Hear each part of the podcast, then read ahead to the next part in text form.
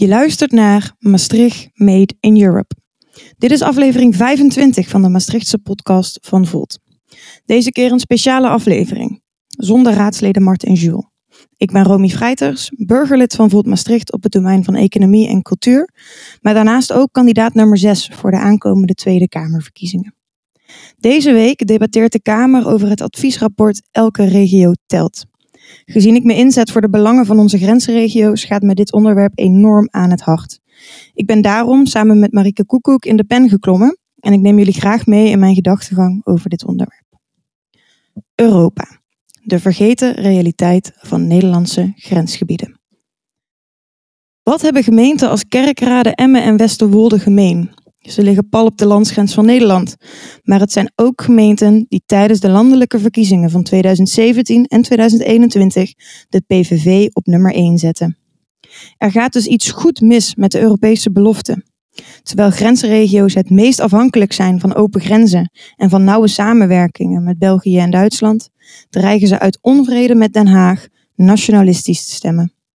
Zelfs als diezelfde partijen pleiten voor het sluiten van de voor hun o zo belangrijke grens. In het rapport Elke regio telt, waar de Tweede Kamer op woensdag over debatteert, wordt terecht aandacht gegeven aan de grensregio's. Deze regio's vormen de ruggengraat van een Europa dat zich over grenzen uitstrekt. Hier, bijvoorbeeld in Limburg, weten we het al lang.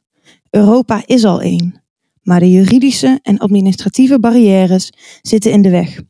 En we zien een gebrek aan adequate reactie vanuit het kabinet op onze uitdagingen. Toch doen we er alles aan om op praktische manieren grensobstakels te verkleinen. Soms moet dat op een hele knullige manier.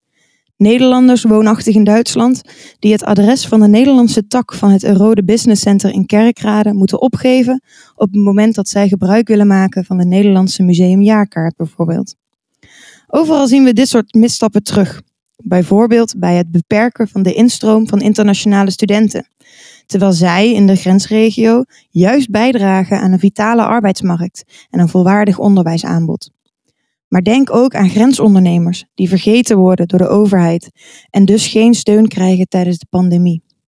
Denk aan de bussen die nog altijd niet rijden naar die ene veelbezochte school aan de andere kant van de grens. Denk aan MBO-diploma's die niet worden erkend in het buurland. Het grote Europa van de multinationals lijkt goed te werken, maar het kleine Europa van de vrachtwagenchauffeur, de grensondernemer en de grensscholier wordt nauwelijks gehoord. Dit is waar de Europese politiek faalt. Niet alleen die van Brussel, maar ook het Europees beleid van Nederland.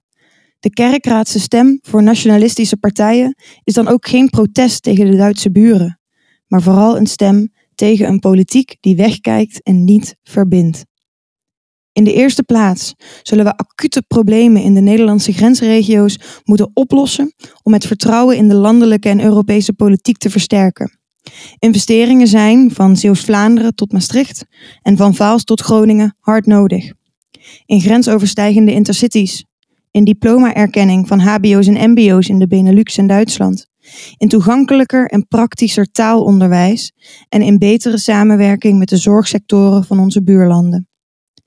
In de tweede plaats zullen we ook moeten inzetten op fundamentele veranderingen in ons politieke systeem.